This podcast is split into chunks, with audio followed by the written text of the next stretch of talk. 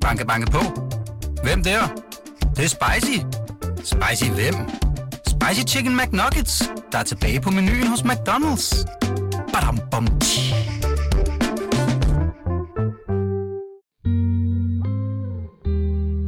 Hans Mortensen og Arne Hardis. Man taler jo meget gerne om valgets tale, altså det centrale budskab i et folketingsvalg. Og valgets tale kender vi jo i sagens natur først, når stemmerne er talt op på valgdagen. Men hvad er valgkampens tale, Arne? Forløbig, at Socialdemokratiet og statsministeren er ved at miste kontrollen, og hvad taler vi ud fra? Vi taler ud fra meningsmålinger, som viser, at det, der var utænkeligt for ret kort tid siden, at de blå plus minus lykke kunne ligge foran, at det er nu blevet det, det, det daglige vande. Hans? Ja, det og så en gigantisk intern forskydning i Blå Blok, hvor de konservative nu er det største parti og tegner til at have statsministerkandidaten, og så et Venstre, der er øh, spaltet på en måde, så det, der brød ud af Venstre, nemlig Inger Støjberg og til dels Lars Løkke, nu er større end Venstre. Så en, en, en kæmpe nedtur for Venstre, som er historiske dimensioner. Og så selvfølgelig spørgsmålet, findes Dansk Folkeparti efter valget? Vi står her, fordi den politiske situation er, som I jo også her beskriver, temmelig vild historisk og også opkørt. Altså, jeg har selv skrevet en hissig leder om det i den her uge. Det ligger ellers ikke til mig med den slags øh, temperament i lederne, men jeg har kaldt den politisk pælesidning, fordi jeg synes, det virker som om, Mette Frederiksen har tænkt sig at blive siddende, så længe hun overhovedet kan i den her uendelige valgkamp. Der er gået to måneder siden minkrapporten kom, og de radikale sagde, at hun skulle udskrive valg. Og jeg tror, der kommer til at gå to måneder til, før vi faktisk skal sætte krydset. Og hvad I mener om det, det taler vi om sidst i programmet. Først skal det handle om det, du taler om. Øh, Arne, ugens helt store historie. I onsdags kom det, det, den, de længe ventede anbefalinger om fordelingen af ansvaret for den ulovlige aflivning af alle mink i Danmark. Det var fra medarbejder- og kompetencestyrelsen, der kom øh, disse anbefalinger, og det mest opsigtsvækkende øh, er, at statsministerens departementchef Barbara Bertelsen slap med en advarsel. Lad os lige høre, hvad Mette Frederiksen sagde om det på det efterfølgende pressemøde. En uvildig styrelse har hen over øh, de seneste måneder arbejdet øh, på baggrund af min kommissions beretning. Man har valgt at indhente ekstern bistand. Det synes jeg er en, en klog beslutning. Øhm, og, øh, og, og jeg lægger selvfølgelig til det grund, at det arbejde er, er gjort ordentligt. Jeg, har, jeg mener ikke, der er noget grundlag for at tro, tro noget som helst andet. Øh, og når man indstiller der, at der eksempelvis i forhold til departementchefen gives en advarsel, det har jeg valgt at indstille, og så betragter jeg sagen som afsluttet. Jeg kan jo hisse mig ret gevaldigt op over statsministerens forsøg på at lukke en sag, som hun selv har det politiske ansvar for. Jeg mener ikke, det er hendes. Øh, det ligger ikke til hende at lukke den sag. Men hvad får Mette Frederiksen ud af at insistere på, at sagen er lukket? Øh, hun får, så vidt jeg kan se, problemer ud af det. Øh, fordi det, som øh, du ikke havde med i klippet, jeg tror, det er fra samme klip, hvor hun filosoferer lidt over, hvor vi er henne nu. Øh, så siger hun så, øh, frit efter hukommelsen, at hun vil egentlig godt lægge op til en diskussion om, hvorvidt der overhovedet er tale om ja. en skandale. Ja. Og det har hun jo alt mulig ret til at mene. Hun, hun har jo siddet i, på kommandobroen og så videre, og ved, hvad, hvad der gik til. Men at åbne den diskussion på et tidspunkt, hvor man forsøger at komme forbi øh, Mink-sagen, og på et tidspunkt, hvor man kører en total offensiv for at komme til at tale om noget andet udlændinge, kriminalitet, tørklæde osv. Det ligner et kontroltab. Øh, det ligner, at man øh, er blevet rethaverisk på en måde, som man har tabt fornemmelsen af, mm. øh, hvordan man skal komme ud af den blindgyde, man er blevet eller har malet sig selv op i. Ja. Ser du det også sådan? Altså, vi, vi, vi er nok enige om, at det næppe var en klog ting at gøre. Jeg tror godt, jeg ved, hvad man har tænkt, da hun mm. gjorde det. Nemlig at sige, vi har nok tabt det, vi taber på Mink-sagen. Lad os nu tage den offensivt og sige til de borgerlige, som nu kritiserer alting, øh, jamen det er fint, jeg træffer en beslutning, men hvad vil I have truffet for en beslutning? Øh, jeg sad med det svære og øh, kom til at lave nogle fejl, men kunne I have truffet en anden beslutning? Øh, kom nu an. Øh, og her og efter valget, øh, og det er jo en fortælling, som Socialdemokratiet vil til at køre nu, øh, I ved ikke, hvad vi får med det blå, vi ved ikke, om vi får Pape eller Ellemann eller noget tredje, øh, men her får I en, der tør mm. træffe beslutninger og muligvis begå fejl. I kan også få nogen, der ikke kan beslutte noget som helst, og der kommer en krise igen om lidt, en økonomisk krise mm. eller noget andet. Der er jo noget med den stedighed, som hun jo har, som jo tydeligvis har hjulpet hende gevaldigt i opstigningen til magten. Spørgsmålet er, om det er et problem nu. Altså, er, er, er Frederiksen en, en, en løsning, eller er hun problemet? Er det det spørgsmål, der er interessant at stille? Jeg tror ikke, at de har nogen anden, som kunne træde til, så jeg mener stadigvæk, at hun helt ensydigt er deres løsning, men det virker som om, hun forsøger at modbevise det. Altså det, det er i hvert fald for mig interessant, at Hans og jeg er noget uenige her. Altså hvis man skal vise, at man er den, der turde tage ansvaret på sig, så mener jeg, så er det noget med at takle med knopperne forrest. Så er det at gå til angreb, angreb på Ellemann, som vi skal tale om mm. senere, og sige, hvor var du egentlig selv? Du, du støttede jo øh, sundhedsparadigmet lige ind til Troels Lund og Landbrugsrådet og Gemmelke kom og sagde, at det skal du ikke mere. Her der bliver det en det, det bliver en egnethed til at holde dagsordenen på noget andet, mm. end det man har besluttet, den skal holdes på. Det virker som om, der mangler et center, som kan sige, nu forholder vi os gusten taktisk til, hvordan vi kan, mm. kan komme i offensiven igen. Jamen, jeg tror, jeg tror øh, det tror jeg er rigtigt, men jeg tror også, man måske er nået frem til, efter det første pressemøde, lige da Mink-rapporten var kommet, øh, hvor man jo ligesom godt ville øh, noget øh, beklagelse, noget ydmyghed, og så så man det på det her pressemøde, at hun med sit kropssprog og sin attitude simpelthen ikke kan udvise fortrydelse og ydmyghed. Mm. Og så har man ligesom tænkt, jamen så kan vi lige så godt lade være med at prøve, fordi det kommer til at se vanvittigt ud. Så lad os gå, men gå det offensivt det, på men det. det var det, der skaffede hende nogle 30 procents opbakning i meningsmålingerne under coronakrisen. Det var den her meget, meget øh, altså stærke stedighed og totale fokus på hende og kun hende. Ikke?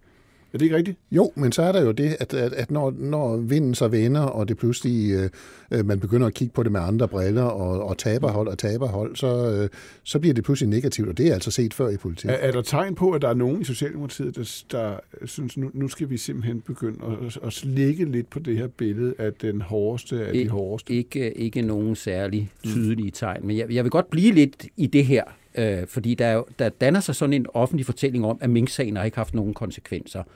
Og der var ikke blevet slået en eneste mink ihjel, hvis ikke det var håndteret af Mette Frederiksen. Og det er jo alt sammen vrøvl, der, og der har været betydelige omkostninger, øh, både blandt embedsmænd og blandt politikere. Men regeringen er kommet til at blive sådan nogen, der har optaget, det, det er et rigtig dårligt billede, og nu kommer det, optaget et kviklån og bliver klar over, at der skal betales afdrag, og man begynder så også meget modvilligt, Nå, så får du da det afdrag.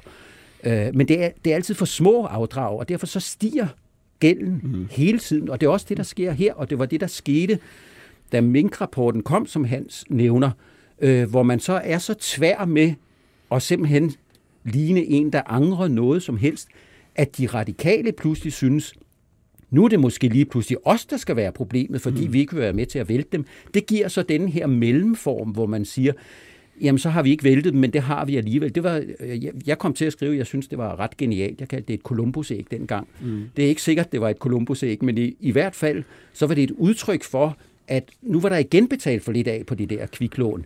Og så accelererede mm. og forblev problemerne da. Og det synes jeg altså ikke virker særlig professionelt. Socialdemokratiet i luksusfælden, det er da et meget godt billede. Ja, ja, egentlig. og, det er og, et og, okay det, og, og samtidig et parti, som, øh, som man øh, kan høre også fra, fra andre på Christiansborg, der taler med dem, er meget forurettet over, at de i den her situation. Ja. De synes, de er udsat for urimelighed efter urimelighed, og de har jo bare prøvet at redde vores allesammens liv. Okay. Oppositionen gør jo alt for at modarbejde, at, at sagen bliver lukket. Straks var de ude med kritik. Statsministeren slipper for let, øh, fordi hun tør ansvaret for den her øh, skandale af på alle andre end sig selv. Jeg sidder med en fornemmelse af, hvis det ikke er Barbara Bertelsen, som får en meget sønderlemmende kritik i kommissionsrapporten, der skal stå på mål for det, jamen så er der jo kun efterhånden en tilbage i lokalet, og det er øh, statsminister Mette Frederiksen. Hun har ladet embedsmændene hænge derude, øh, i stedet for, at hun selv har fået undersøgt hendes egen rolle i det. Og hun har sat sig imod en advokatundersøgelse, og det er der, jeg sådan set synes, det er helt grotesk. Fået undersøgt sin egen rolle, skulle han have sagt. Ikke? Han sagde, hendes og sin, der var noget der. Er. Øh, Hans, øh, hvad siger den her udveksling i disse dage mellem blå og rød blok om Mink-sagen, om tilstanden i dansk politik? Jamen, det er jo en benhård kamp om, øh, altså Blå Blok ved jo godt, at Mette Frederiksens troværdighed, øh, hele hendes øh, magtudøvelse, er noget, de kan score på i en valgkamp, og derfor prøver de jo hele tiden at skubbe den mink-sag ind på hendes spor, og ikke alle mulige andre. Og, og det er jo lige meget om Mogens Jensen er væltet. Det er lige meget om Rigspolitichefen er sendt hjem. De vil have Mette Frederiksens hoved på et fad. Ja. Og, og, og det er jo ikke så mærkeligt, fordi øh, det er et svagt punkt, de har fundet, og et virkelig svagt mm. punkt. Men med den stedighed, der så kommer fra den modsatte side, så er det jo en fuldkommen fastlåst situation nu, ikke? Der er ja, ikke noget, der ja, flytter sig overhovedet. Ja, og så bliver, så bliver valget en ja. forløsning, fordi ja. der kommer vælgerne til at tage stilling til totaliteten af, hvad de synes om dansk politik. De kommer til at lave den pragmatiske og principielle afvejning, mm. som du er så ked af i lederen med, med Maren Harme og så videre, men som jeg tror, at Hans og jeg synes er helt fantastisk fascinerende. Vi har aldrig været ude for noget lignende. En, ja. en uerklæret, meget intens øh, valgkamp. Kom, og, og kommer valgkampen til at handle om den mink-sag? Lukket eller ej? Altså, bliver det hovedtemaet, som I ser det? Nej, det, det bliver, det, nej, jeg tror, det bliver et væsentligt uh, sidetema, mm. øh, øh, holdt i live selvfølgelig af Blå Blok, og til synladende også af, af Regeringspartiet. Det, jeg, det, tror, det, det bliver, ja. jeg, tror, jeg tror, det bliver... Det, det bliver øh, velfærd, skattelettelser, altså Søren, den dagsorden Søren Pape ja. har åbnet på en baggrund af meget stigende inflation mm. øh, og udsigt til, til, til mørkesky over økonomien. Okay. Øh, Socialdemokratiet lader jo som om, at alt er normalt. Øh, de, de prøver i hvert fald at ignorere, at de bliver tvunget ud i et valg om, om, om nogle uger. Og de er jo kommet med et meget, meget øh, opsigtsvækkende forsøg, eller to forsøg på at flytte fokus til udlændinge og retspolitik. Først et retspolitisk og udlændingeudspil med fokus på tryghed i gaderne, og så et oplæg fra en af regeringsnedsat kommission om at forbyde tørklæder i skolen. Øh, hvem er det her rettet mod? Hans? Jamen, det er selvfølgelig øh, hele, hele det, som de også havde i sidste valgkamp, om at Socialdemokratiet skal vise, at de er stærke i udlændingepolitikken. De skal ikke give noget rum til blå blok til at, mm. at, at, at komme med noget der. Men så er det også samtidig sådan en, en øh, slags bejmand til de radikale, som de er hammerne sure på over det der valgudskrivelse og tvang til. Hvordan, hvordan fornemmer man, at de er sure på det radikale? Jamen, det, det kan man høre, når man taler, men det, det, det, det, det, det er ikke noget lykkeligt forhold i øjeblikket. Mm. Og så kommer man altså med den her besked til de radikale, I skal bare ikke tro, I får noget på udlændingepolitikken. Fordi det er der, hvor de radikale har det svært, fordi og de radikale vil jo gerne true med at gå over midten, og, men, men kan de gå over midten og få noget øh, hos Støjbær, som er bedre, eller hos øh, Pernille Værmund, som er bedre. Men det er simpelthen en skjult besked til de radikale om, vi kommer ikke til at give jer noget som helst. Og Sofie Karsten Nielsen fra de radikale er, har jo givet en meget klar besked om, hvordan de radikale forholder sig til statsministeren. Det var senest øh, det her, hun sagde ved partiets sommergruppemøde. Vi kan ikke fortsætte med den her socialdemokratiske etpartiregering. Vi er nødt til at få regeringsførelsen åbnet op. Og 4. oktober er altså første gang, at Folketinget mødes igen. Hvad er det, der sker i forholdet mellem sosserne og radikale lige nu?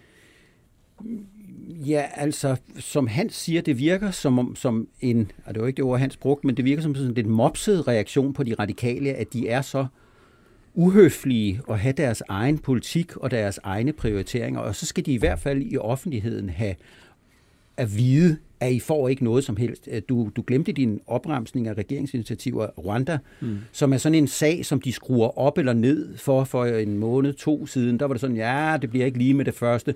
Nu siger man, at man har et kontor øh, dernede, og det kommer nok om ikke så forfærdeligt længe osv.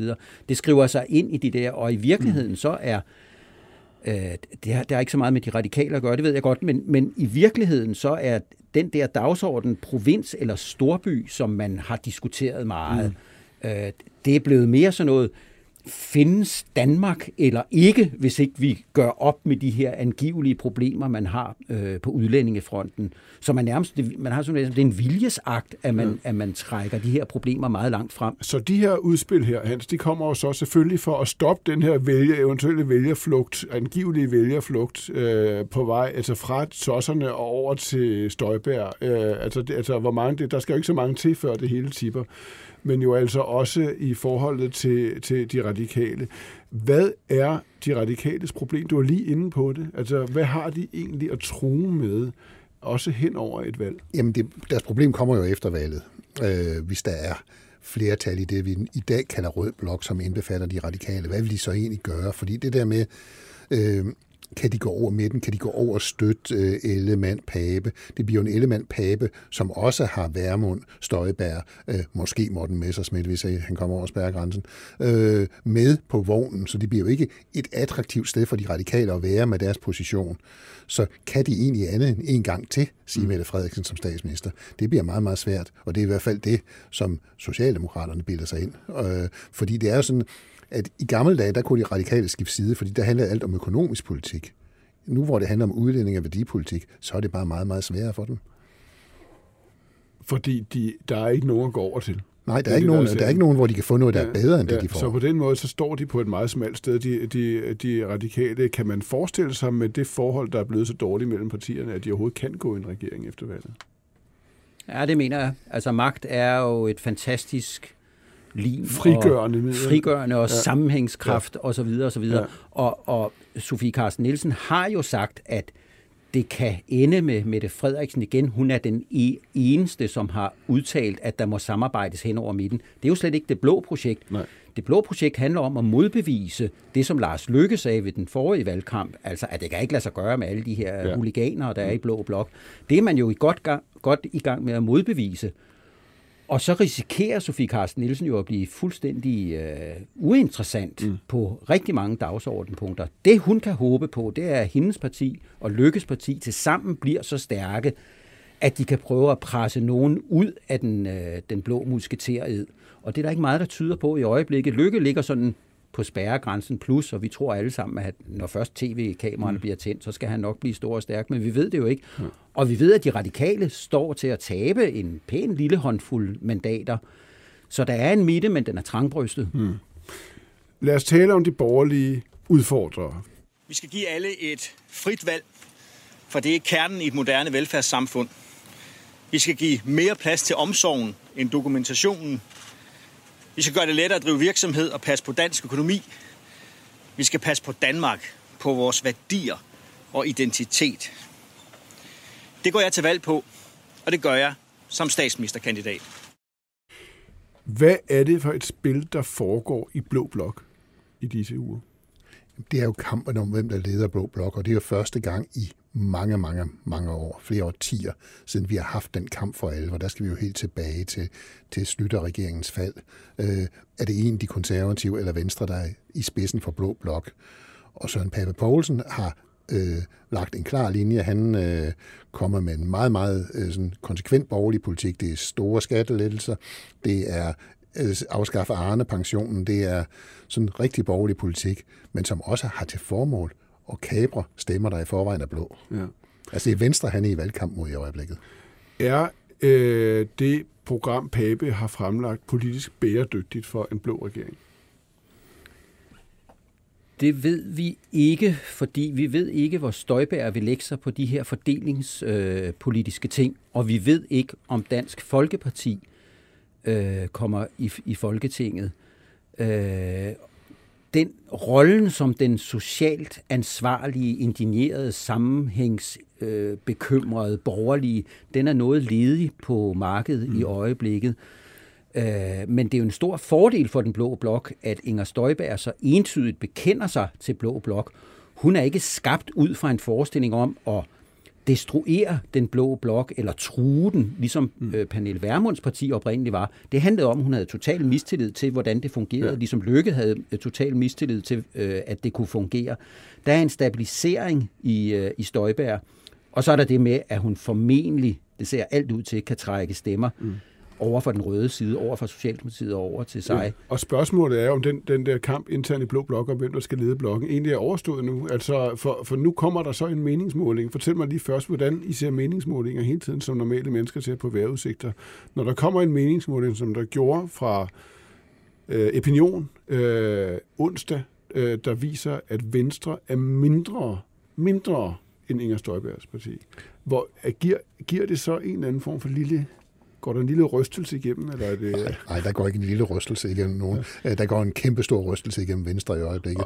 De frygter jo den her, det her valg helt mm. vildt, fordi en ting er, at de et stykke tid har øh, været mindre end de konservative, og det ser ud som om Pape er ved at løbe med, med, med statsministerkandidaturet i Blå Blok at være mindre end Inger Støjberg, der er brudt ud af partiet, at det, det er jo katastrofe, det er jo, det er jo historisk øh, lavpunkt for hvordan, Venstre. Hvordan, altså, handler det om, er, er, er der sådan en, en form for snibbold-effekt? Altså, det er sådan selvforstærkende, ikke? Altså, øh, Ellemann virker svag, så kommer der en meningsmåling, så bliver han mere usikker, så bliver han underkendt øh, og, og, og ligesom af, af sin egen løjtnant på et pressemøde, og så ligesom bliver, det hele bliver sådan selvforstærkende, og så så smutter vælgerne efterhånden, og så står der bare det her helt fantastisk spændende alternativ over i Inger Støjbergs parti. Ja, man skal jo have helt kolossalt is i maven i forhold til kritik. Altså, vi kender jo fra vores eget virke som journalist, hvis der er nogen, der kritiserer, der et komma, der er sat forkert, så kan man jo ikke arbejde i en måned. Altså, Ellemann, han får jo at vide uafbrudt, at hvor er det dog dårligt, det han laver, og meningsmålingerne øh, giver ham ret. Og man får sådan lyst til, nu, nu er jeg ikke særlig god til svensk, at sige, stakkers, stakkers Jakob. Altså, det er jo, det, det, det er jo så forfærdeligt. Men opgøret, altså, altså, som det ser ud nu, så virker jo opgøret slut. Der er, man kan vel ikke forestille sig, at han kan komme tilbage og blive større? Det kan man, det kan man ikke sige, som Nej, du selv siger. Hvor, hvor, hvor, Men... hvor, hvor lang er den valgkamp, og lykkes det Socialdemokraterne for indstillet velfærds- og omfordelingskanonerne og lægge pres på ja. Pape, som jo er den, der markedsfører det. Det er jo ikke Ellemann, der siger, at vi skal have topskatten ned, og at der skal være nulvækst i den offentlige sektor. Men der må være noget strukturelt i det også. Det kan ikke kun være Jakob Ellemanns altså udulighed eller manglende karisma. Altså, vi, alle synes jo, han er sød og begavet og vidunderlig, men, men jo at det virker som om, at han ikke er den fødte partileder, men der må jo også være noget strukturelt. Jamen, der er, der er, hvad, er det, det, hvad er det, der er sket for Venstre? Jamen, der er jo sket det øh, meget præcis. Altså, noget af det, der er sket, det er jo, at de er blevet delt i tre partier. Lykke sidder med... Øh, med, med nogle få øh, byvælgere, øh, et par procent, tre, øh, når det går på en god dag. Og så sidder Støjberg altså med de her 10-11 procent. Det er jo alle sammen øh, det er jo ledende venstrefolk for, for ved sidste valg, de her tre, ikke? Ja. både Ellemann, Lykke ja. og Støjberg. Det vil sige, at Venstre fra sidste valg er delt op i tre partier, og, det, og hvis man lægger dem sammen, så er det jo ikke så skidt. Ja. Øh, så ligner det jo sidste valg, men det, er jo ikke, det kan Venstre jo ikke trøste sig med.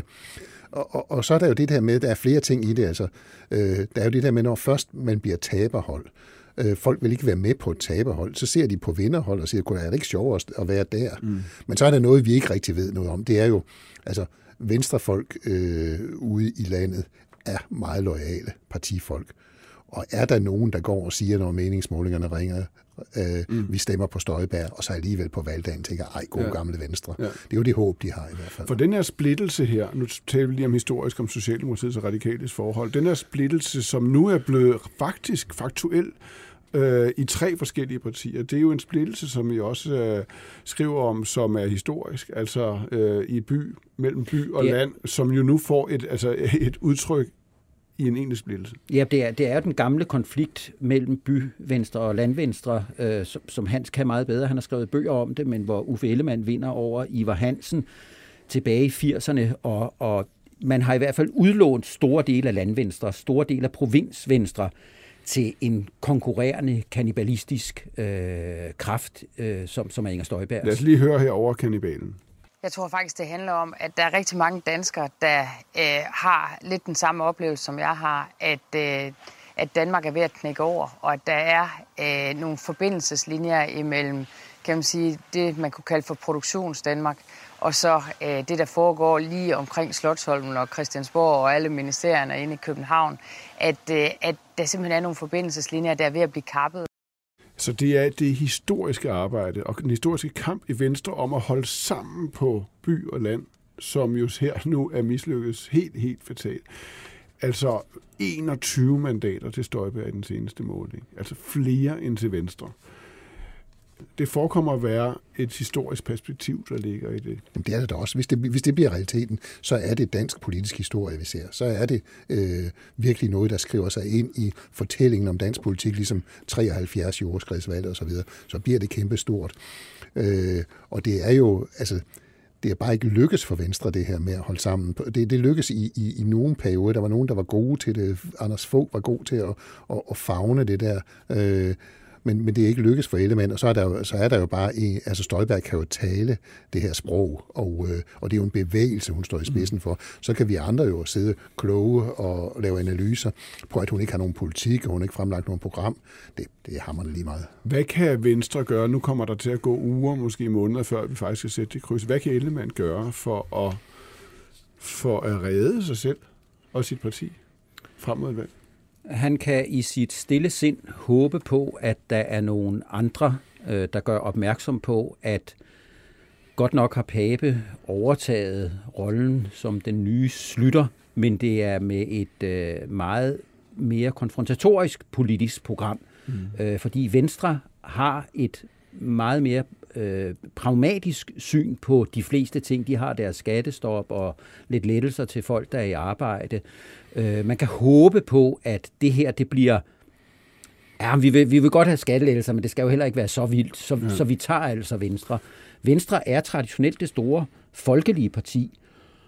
Det, der er tragedien, det er, at man, man er låst i den rolle, fortsætter at føre det store folkelige partis politik, som den, der fagner øh, bredt, mm. samtidig med, at man har mistet så mange muskler. Ja. Okay, til sidst. Øh, næst sidst. Vi vidste jo godt, at Mette Frederiksen ville være statsminister og statsministerkandidat, øh, også i valgkamp og på valgdagen. Vi vidste ikke, at det ville være Søren Pape, muligvis, sandsynligvis Søren Pape, der står som den store udfordrer. Altså, så lad os forestille os, at det store valg i Folketingsvalget 2022 handler om Frederiksen mod Pape. Hvad handler det valg om? Mette Frederiksen vil forsøge, altså hun er, jeg tror, hun er rigtig lykkelig for det program, Søren Pape har fremlagt, med store skattelettelser i toppen, øh, afskaffelse af Arne-pension, øh, ramme, overførselsindkomst osv. Det bliver sådan en klassisk øh, velfærd mod skattelettelser, hvis hun bestemmer. Og Pape vil selvfølgelig øh, meget gerne tale om Mette Frederiksens troværdighed, hendes regeringsførelse osv. Så, så det bliver det, kampen kommer til at handle om. Men altså, han er meget mere en drømmemodstander for Mette Frederiksen. Er det et spændende opgør mellem de to? Altså, det, det ligner jo pludselig, som du siger, det er også hans klassisk fordelingspolitisk opgør ja, mellem blå og rød blok. Ja, hvis det bliver det, og, og, og, og det tror jeg også, det kommer til at blive i, i høj grad, men det, men det er da fantastisk spændende valgkamp, og så er der alle underdagsordnerne. Altså, øh, vi gør i, i, i den seneste artikel i Weekendavisen opmærksom på, at der bliver også et sammenstød mellem øh, Søren Gade og Pape øh, ude i Vestjylland. Mm. Øh, som også kommer til at vise noget om de indre styrkeforhold i, ja. den, i den blå blok. Ja. Og så til sidst, Arne og Hans, jeg ser det sådan, at Mette Frederiksen de facto mistede sit flertal lige 1. juli, lige efter Mink-rapporten, hvor radikale jo udskrev det her lidt mærkelige velsindet øh, mistillidsvotum øh, over for øh, Mette Frederiksen. Det betyder, at vi er jo fuldstændig afhængige af, hvornår Mette Frederiksen udskriver det her valg. Det ser ud som om, hun er stedig, som, øh, som jo ikke er så overraskende, og det vil betyde, at hun kan vente helt til starten af oktober, så får vi først et valg sidst i oktober. Det er fire måneder med en de facto valgkamp. Det er en tredjedel af året. Jeg synes jo, det er langt ude, en hån mod vælgerne osv. Hvad siger I?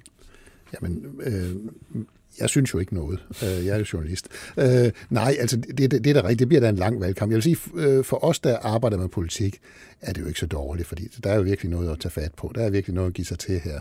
Noget andet er jo, at det der med lang, kort valgkamp, altså det, jeg tror, vi skal tilbage til sådan noget... Øh, start 90'erne, hvor Tony Blair og Anders Fogh og sådan nogen øh, proklamerede, at der er permanent valgkamp. Altså når valgstederne lukker, så begynder den næste valgkamp. Mm. Øh, så i den øh, optik er den jo ikke så lang. Men trods alt har vi jo her en situation, hvor der ikke bliver... Altså Folketinget er på sommerferie, så det er trods alt lukket, og Øh, og, og, og de opfører sig som om, at der er en egentlig valgkamp i gang med politiske udspil, der er designet til at ramme særlige grupper osv. Hvem, hvem har fordel af en valgkamp, der var måske to måneder endnu?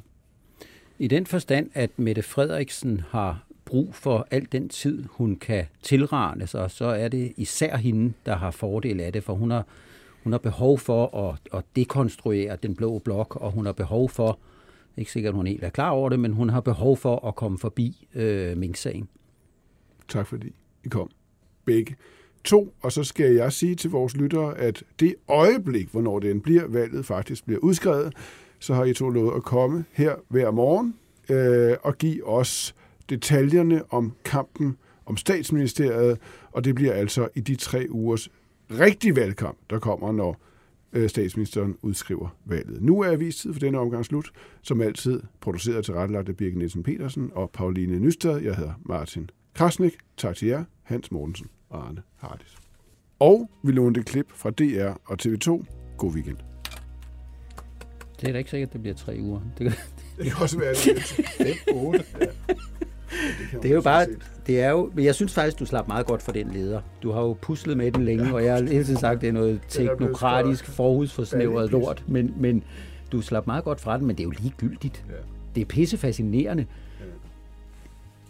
Alle, alle, alle, alle, alle politikere er bundet af, at inden for fire år skal der udskrives ja. folketingsvalg. Det er, det er et grundvilkår. Nu er det så indsnævret til sådan et iltfattigt rum, men der udvikles masser af Jo, jo, politiske er synspunkter, og der embedsværket arbejder. Ja, ja. Men det er ja, bare ja. specielt, at der er, altså, at støttepartiet siger, at nu har vi ikke øh, altså, de facto tillid til regeringen mere, og vi vil have et valg, og så går der fire måneder, før det kommer. Det er da i sig selv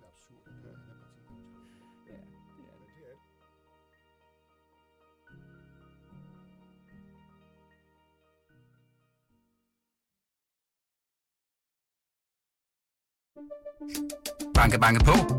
Hvem der? Det, det er spicy. Spicy hvem? Spicy Chicken McNuggets, der er tilbage på menuen hos McDonald's. Badum, bom,